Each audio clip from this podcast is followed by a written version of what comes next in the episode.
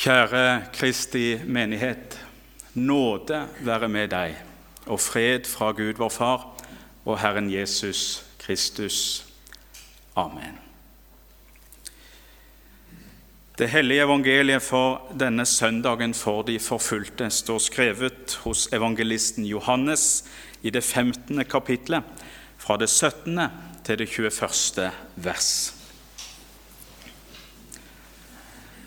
Jesus sier, 'Dette er mitt bud til dere, at dere skal elske hverandre.'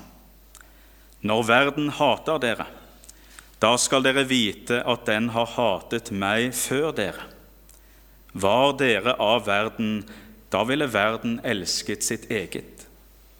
Men fordi dere ikke er av verden, men jeg har utvalgt dere av verden, derfor hater verden dere. Husk det ord som jeg sa til dere.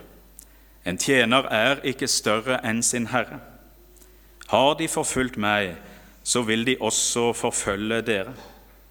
Har de holdt fast på mitt ord, så skal de også holde deres. Men alt dette skal de gjøre mot dere for mitt navns skyld, fordi de ikke kjenner Ham som har sendt meg. Slik lyder det hellige evangeliet. La oss be. Hellige Far, dette var ordet ditt til oss. Hellige oss i sannheten. Ditt ord er sannhet. Amen.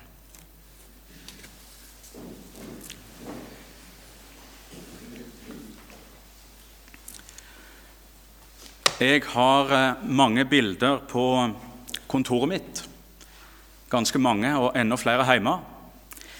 Og Et av de bildene det er det bildet som jeg har her. Det er for de av dere som er langsynt. Men dere kan få se nærmere på det etterpå. Og så skal jeg fortelle hva det er bilde av. Det som dere ser, eller det er ikke sikkert dere ser det, men eh, dette bildet er en kopi av en gammel graffititegning fra, rundt, fra rett rundt år 100. Ja, det blir regna som den kanskje eldste avbildning som er funnet av Jesus. Men det som skiller den avbildningen fra mange andre, det er at det er en graffititegning som i utgangspunktet ble laga for å håne den kristne trua. I dette tilfellet for å håne en spesiell kristen i Roma. Graffitien ble funnet på en vegg i Roma og viser Jesus på korset, men hodet hans er bytta ut med et eselhode. Og Ved siden av så kan en se en mann som tilber Jesus på korset. Og Teksten som er rissa inn under, sammen med tegningen, den lyder slik.: Alexandros tilber sin Gud. Det er tydelig at han er laga for å håne Aleksandros og hans tru. Til alle tider har det vært krevende å være en kristen og tru på Jesus. Og I dag så samles vi sammen med kirkelya over hele Norge og i verden om det som blir kalt for Søndag for de forfulgte. En dag hvor vi fokuserer på, hvor vi minnes og ikke minst ber for våre forfulgte søsken. Verden over er det krevende å tro på Jesus. Ja, noen steder er det ikke bare krevende, men det er livsfarlig. I Norge har vi det nokså greit. Vi må innrømme det. Selv om sentrale kristne verdier og bibelsk lære er under stadig press, og blir det enda mer, men det er langt ifra den virkelighet som mange av våre søsken lever under i verden. Derfor gjør vi vel i å lytte til de forfulgte sitt vitnesbyrd, og ikke minst i å lytte til deres bønn til oss, som handler først og fremst om nettopp forbønn. Derfor skal vi i kirkebønna i dag be særlig for våre forfulgte søsken. Husk på dem som er i fengsel som om dere var fanger sammen med dem, likeså dem som blir mishandlet, for dere er jo selv i legeme. Slik skriver Hebreabrevet sin forfatter. Det er dette vi samles særlig om i dag. Og likeså skal vi samles på nytt. Jeg håper i alle fall mange av dere blir med på det på onsdag, når eh, vi samles til fakkeltog for de forfulgte på Torgallmenningen. Vi hører sammen. Vi er én kropp.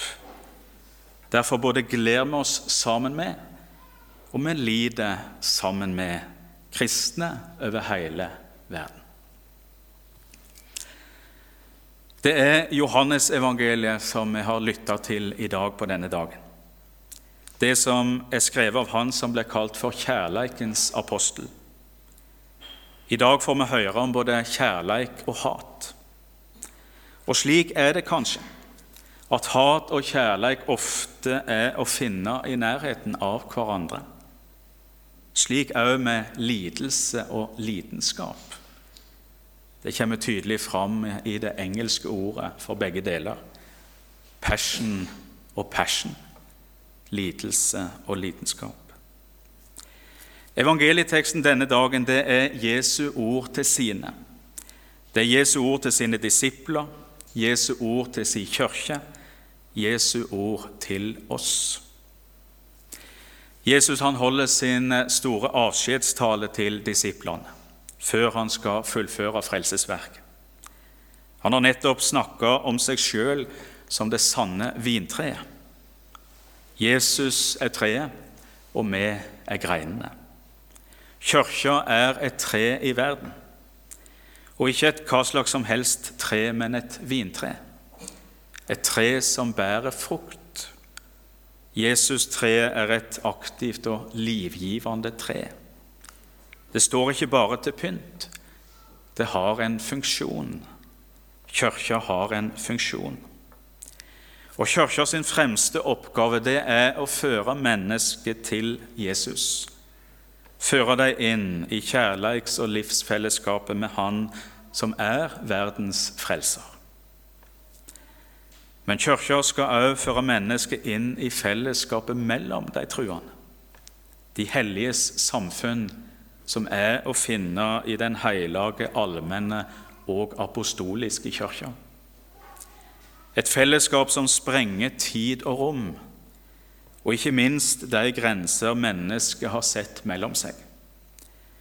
Derfor blir vi ikke bare døpt inn i den lokale kirkelyden, men i Kristi værsvide kirke.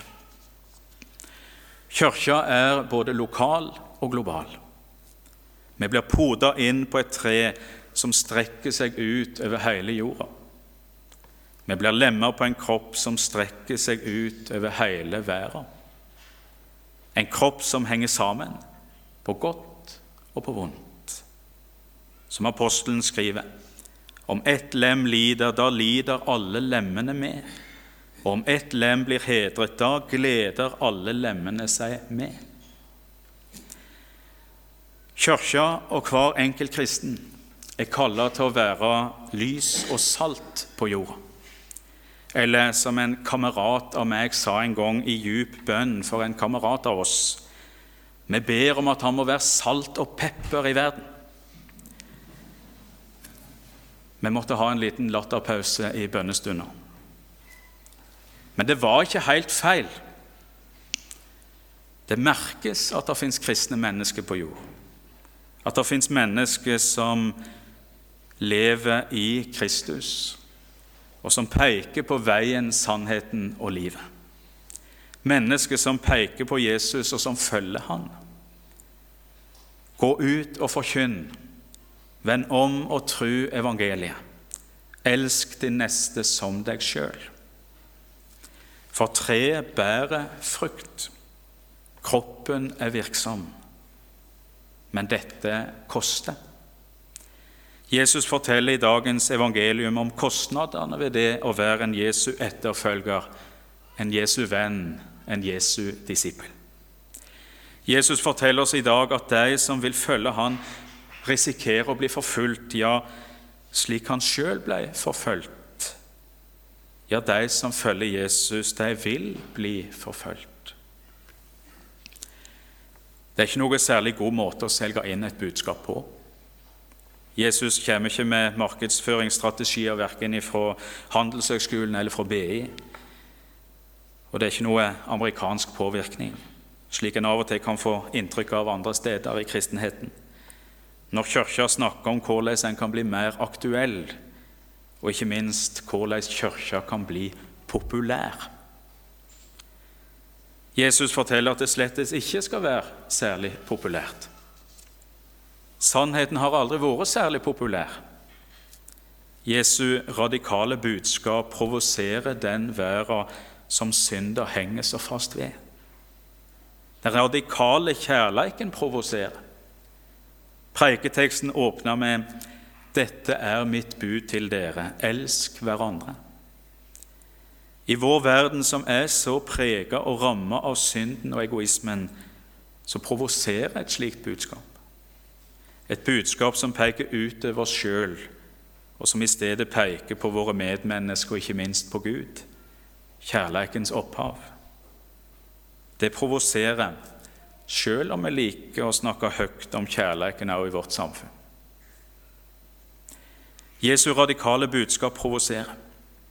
Den radikale kjærleiken provoserer. For noen fordi Jesus taler om at han er sannheten og eneste veien til Gud, til frelsen. For noen fordi det kommer i konflikt med makta eller pengene de har opparbeida seg. Jesu radikale budskap provoserer. Den radikale kjærleiken provoserer. Og allerede som et lite barn provoserer Jesus makthaverne. Vi husker kanskje, eller kanskje vi helst vil glemme det, den forferdelige fortellingen om drapet på alle guttebarn under to år i Betlehem. Den hendelsen som gjør at vi i dag kjenner uttrykket 'ramaskrik'. Det var Herodes som sto bak, av frykt for at barnet skulle vokse opp og true hans makt. På mange måter var disse barna de første martyrene våre forfulgt og drept for Jesu navns skyld. En tragisk fortelling om hva maktbegjæret kan få mennesket til å gjøre. Men òg et vitnesbyrd om den kraft som ligger i Jesu navn og i det budskap Jesus kommer til verden med. Jesus sier sjøl.: Dere må ikke tenke at jeg er kommet for å bringe fred på jorden. Jeg er ikke kommet for å bringe fred, men sverd. Jeg er kommet for å sette skille. Og dette ser vi òg i dag. Jesus fortsetter. Jeg er kommet for å sette skille mellom en mann og hans far, mellom en datter og hennes mor, mellom en svigerdatter og hennes svigermor, og en manns husfolk skal bli hans fiender. Slik ser vi familier rundt om. Trua på Jesus setter et skille òg mellom familiemedlemmer. Særlig forteller muslimer sterke historier om krevende, mildt sagt, familieforhold etter å ha kommet til tru på Jesus. For Jesus setter et skille i verden mellom de som tror på Han, og de som ikke tror.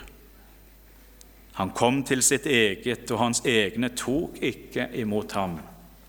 Men alle dem som tok imot ham, dem ga han rett til å bli Guds barn, de som tror på hans navn. En dag skal de som tror, og de som ikke tror på Jesus, bli skilt. Det er frelsen og fortapelsens realitet. De som ikke tror, blir stående alene i dommen. De har ingenting å skjule seg bak, annet enn et lite fikenblad. Da står de bare med sin egen synd og sin egen rettferd. Og de kan ikke bli stående.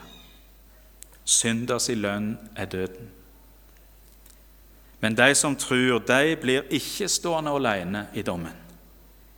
De får skjule seg bak Jesus. De blir stående med hans gaver i hånd, seieren over synden og med Guds egen rettferd. Og de kan bli stående og få gå inn til det evige livet og den evige gleden. Men her på jord lever vi under denne verdens vilkår, i Kristi striende og liende kirke. Martin Luther han skriver at kirka har sju kjennetegn. Altså, vi kunne sagt sju måter å sjekke opp at det er ei virkelig kirke vi har å gjøre med. Ordet, dåpen, nadværen, himmelrikets nøkler eller binde- og løse makter, Kirkens embete, gudstjenesten og bønnen og korset. Dette siste, korset, det kjenner vi bl.a. igjen fra kirkebønna.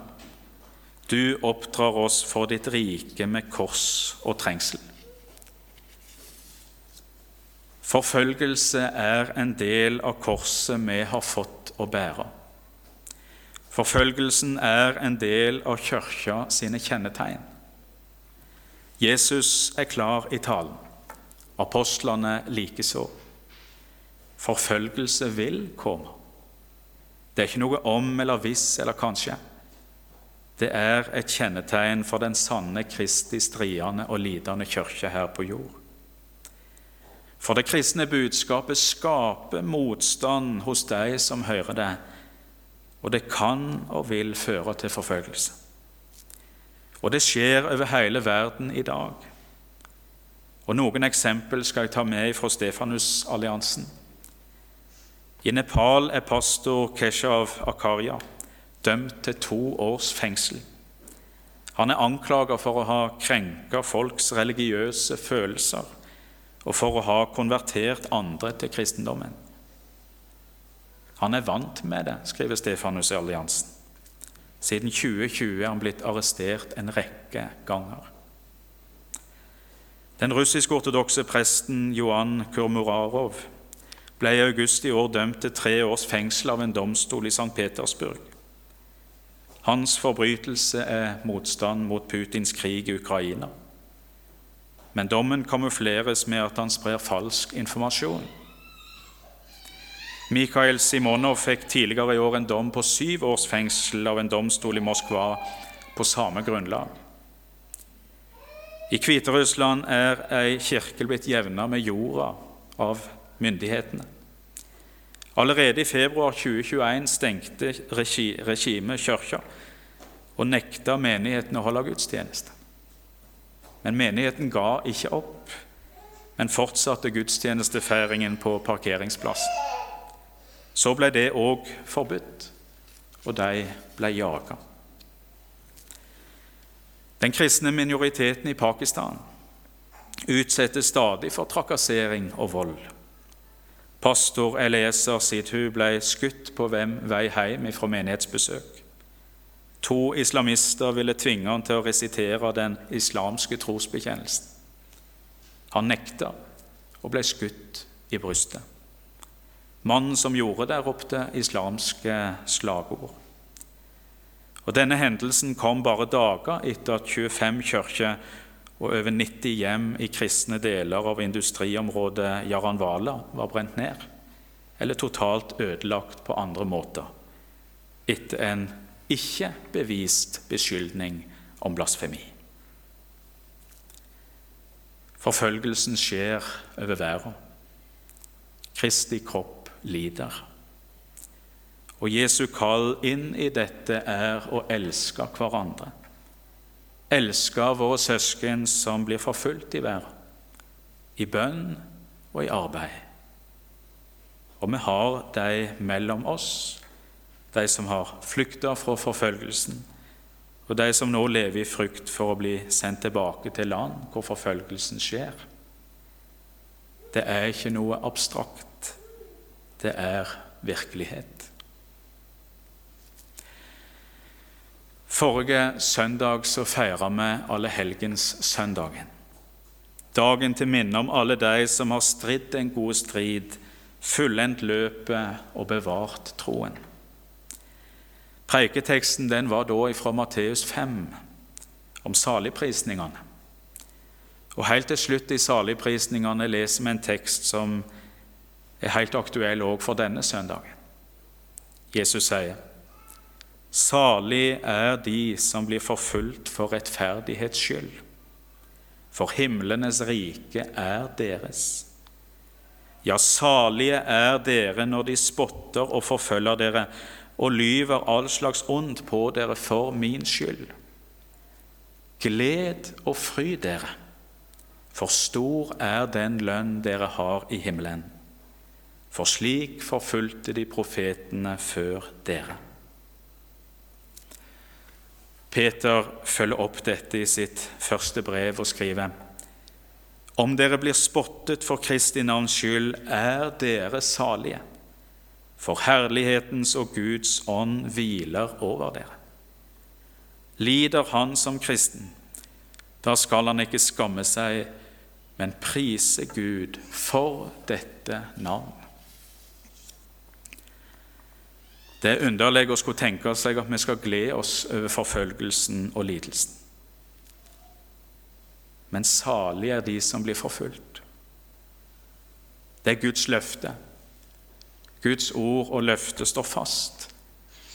Den som blir forfulgt for Jesus skyld, er salig. Han eller hun har grunn til å del i den største og djupeste glede. Og Forfølgelsen har paradoksalt nok en positiv funksjon for de som opplever denne en hensikt. Paulus skriver noe om det i Romerbrevet kapittel 5. Da vi nå er rettferdiggjort ved tro, har vi fred med Gud ved vår Herre Jesus Kristus. Ved ham har vi også ved troen fått adgang til denne nåden som vi står i, og vi roser oss av håp om Guds herlighet. Ikke bare det, men vi roser oss også av trengslene for vi vet at trengselen virker tålmodighet. Tålmodigheten virker et prøvet sinn, og det prøvede sinn håp. Og håpet gjør ikke til skamme, for Guds kjærlighet er utøst i våre hjerter ved Den hellige ånd, som er oss gitt. Veien fra forfølgelse eller lidelse til utholdenhet. Et prøver sinn og håpet om den realitet som er Guds kjærlighet. Derfor gjør forfølgelsen salig, slik både Jesus og Peter forteller oss. All lidelse lærer oss å bygge trua vår på Gud, på Jesus alene. Mennesket og ideologier svikter oss, men Gud står fast. Gud bærer. Han gir oss sine gaver av nåde. Han holder oss oppe ved sitt ord midt i alt som prøver oss. Og de forfulgte vitner om dette til oss. Midt i forfølgelse og nød så har vi del i den djupeste gleden. Den mange vitner om i den forfulgte kirka. For de har fått erfare at det eneste som holder, det er Jesus. Verden vil hate oss. Det er et løfte, fordi de hata Jesus før oss. I dagens preiketekst sier Jesus, men fordi dere ikke er av verden, men jeg har utvalgt dere av verden, derfor hater verden dere. Jesus har valgt oss ut fra verden og alt som verden bærer med seg. Alle dem som tok imot ham dem ga han rett til å bli Guds barn, de som tror på Hans navn. Midt i alt det vonde av forfølgelse og nød, eller i vårt tilfelle gjelder det som regel forførelse framfor forfølgelse, så har vi fått barnekår hos Gud i eie. Vi er Guds barn, frelst fra synd, fri fra verden og Derfor kan vi synge som vi snart skal gjøre med Hans Nilsen Hauge. Og de ord han skrev da han satt fengsla fordi han forkynte Guds ord fritt. Jeg er hos Gud i nåde. Hva skader verden meg? om den en stund får råde og stenger meg min vei, vil den mitt legem binde i fengselets mørke skjul. Skal Åndens seier vinne og holde glad sin jul. Salmen er skrevet på julaften 1799 i fengsel. Og Salmen forteller om den dype sannhet som følger en kristen. Midt i all trengsel, vrede, nød og fare. Verden kan ikke skade oss. Den kan og vil hate oss. Men Guds nåde og kjærlighet er sterkere enn døden. Vi er i Hans hender. Det koster, men det er for å seire. Ja, Jesus har alt seira da han lei, døde og sto opp for hele verdens frelse, for de og for mi skyld.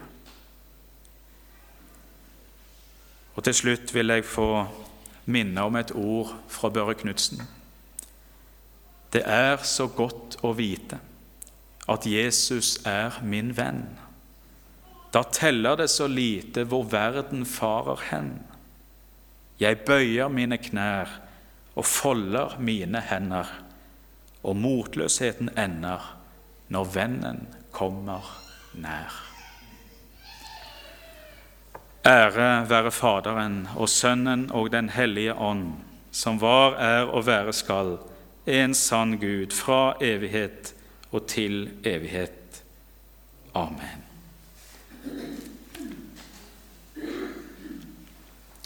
Og Da skal vi synge på nummer 333, 3-3, Jeg er hos Gud i nåde.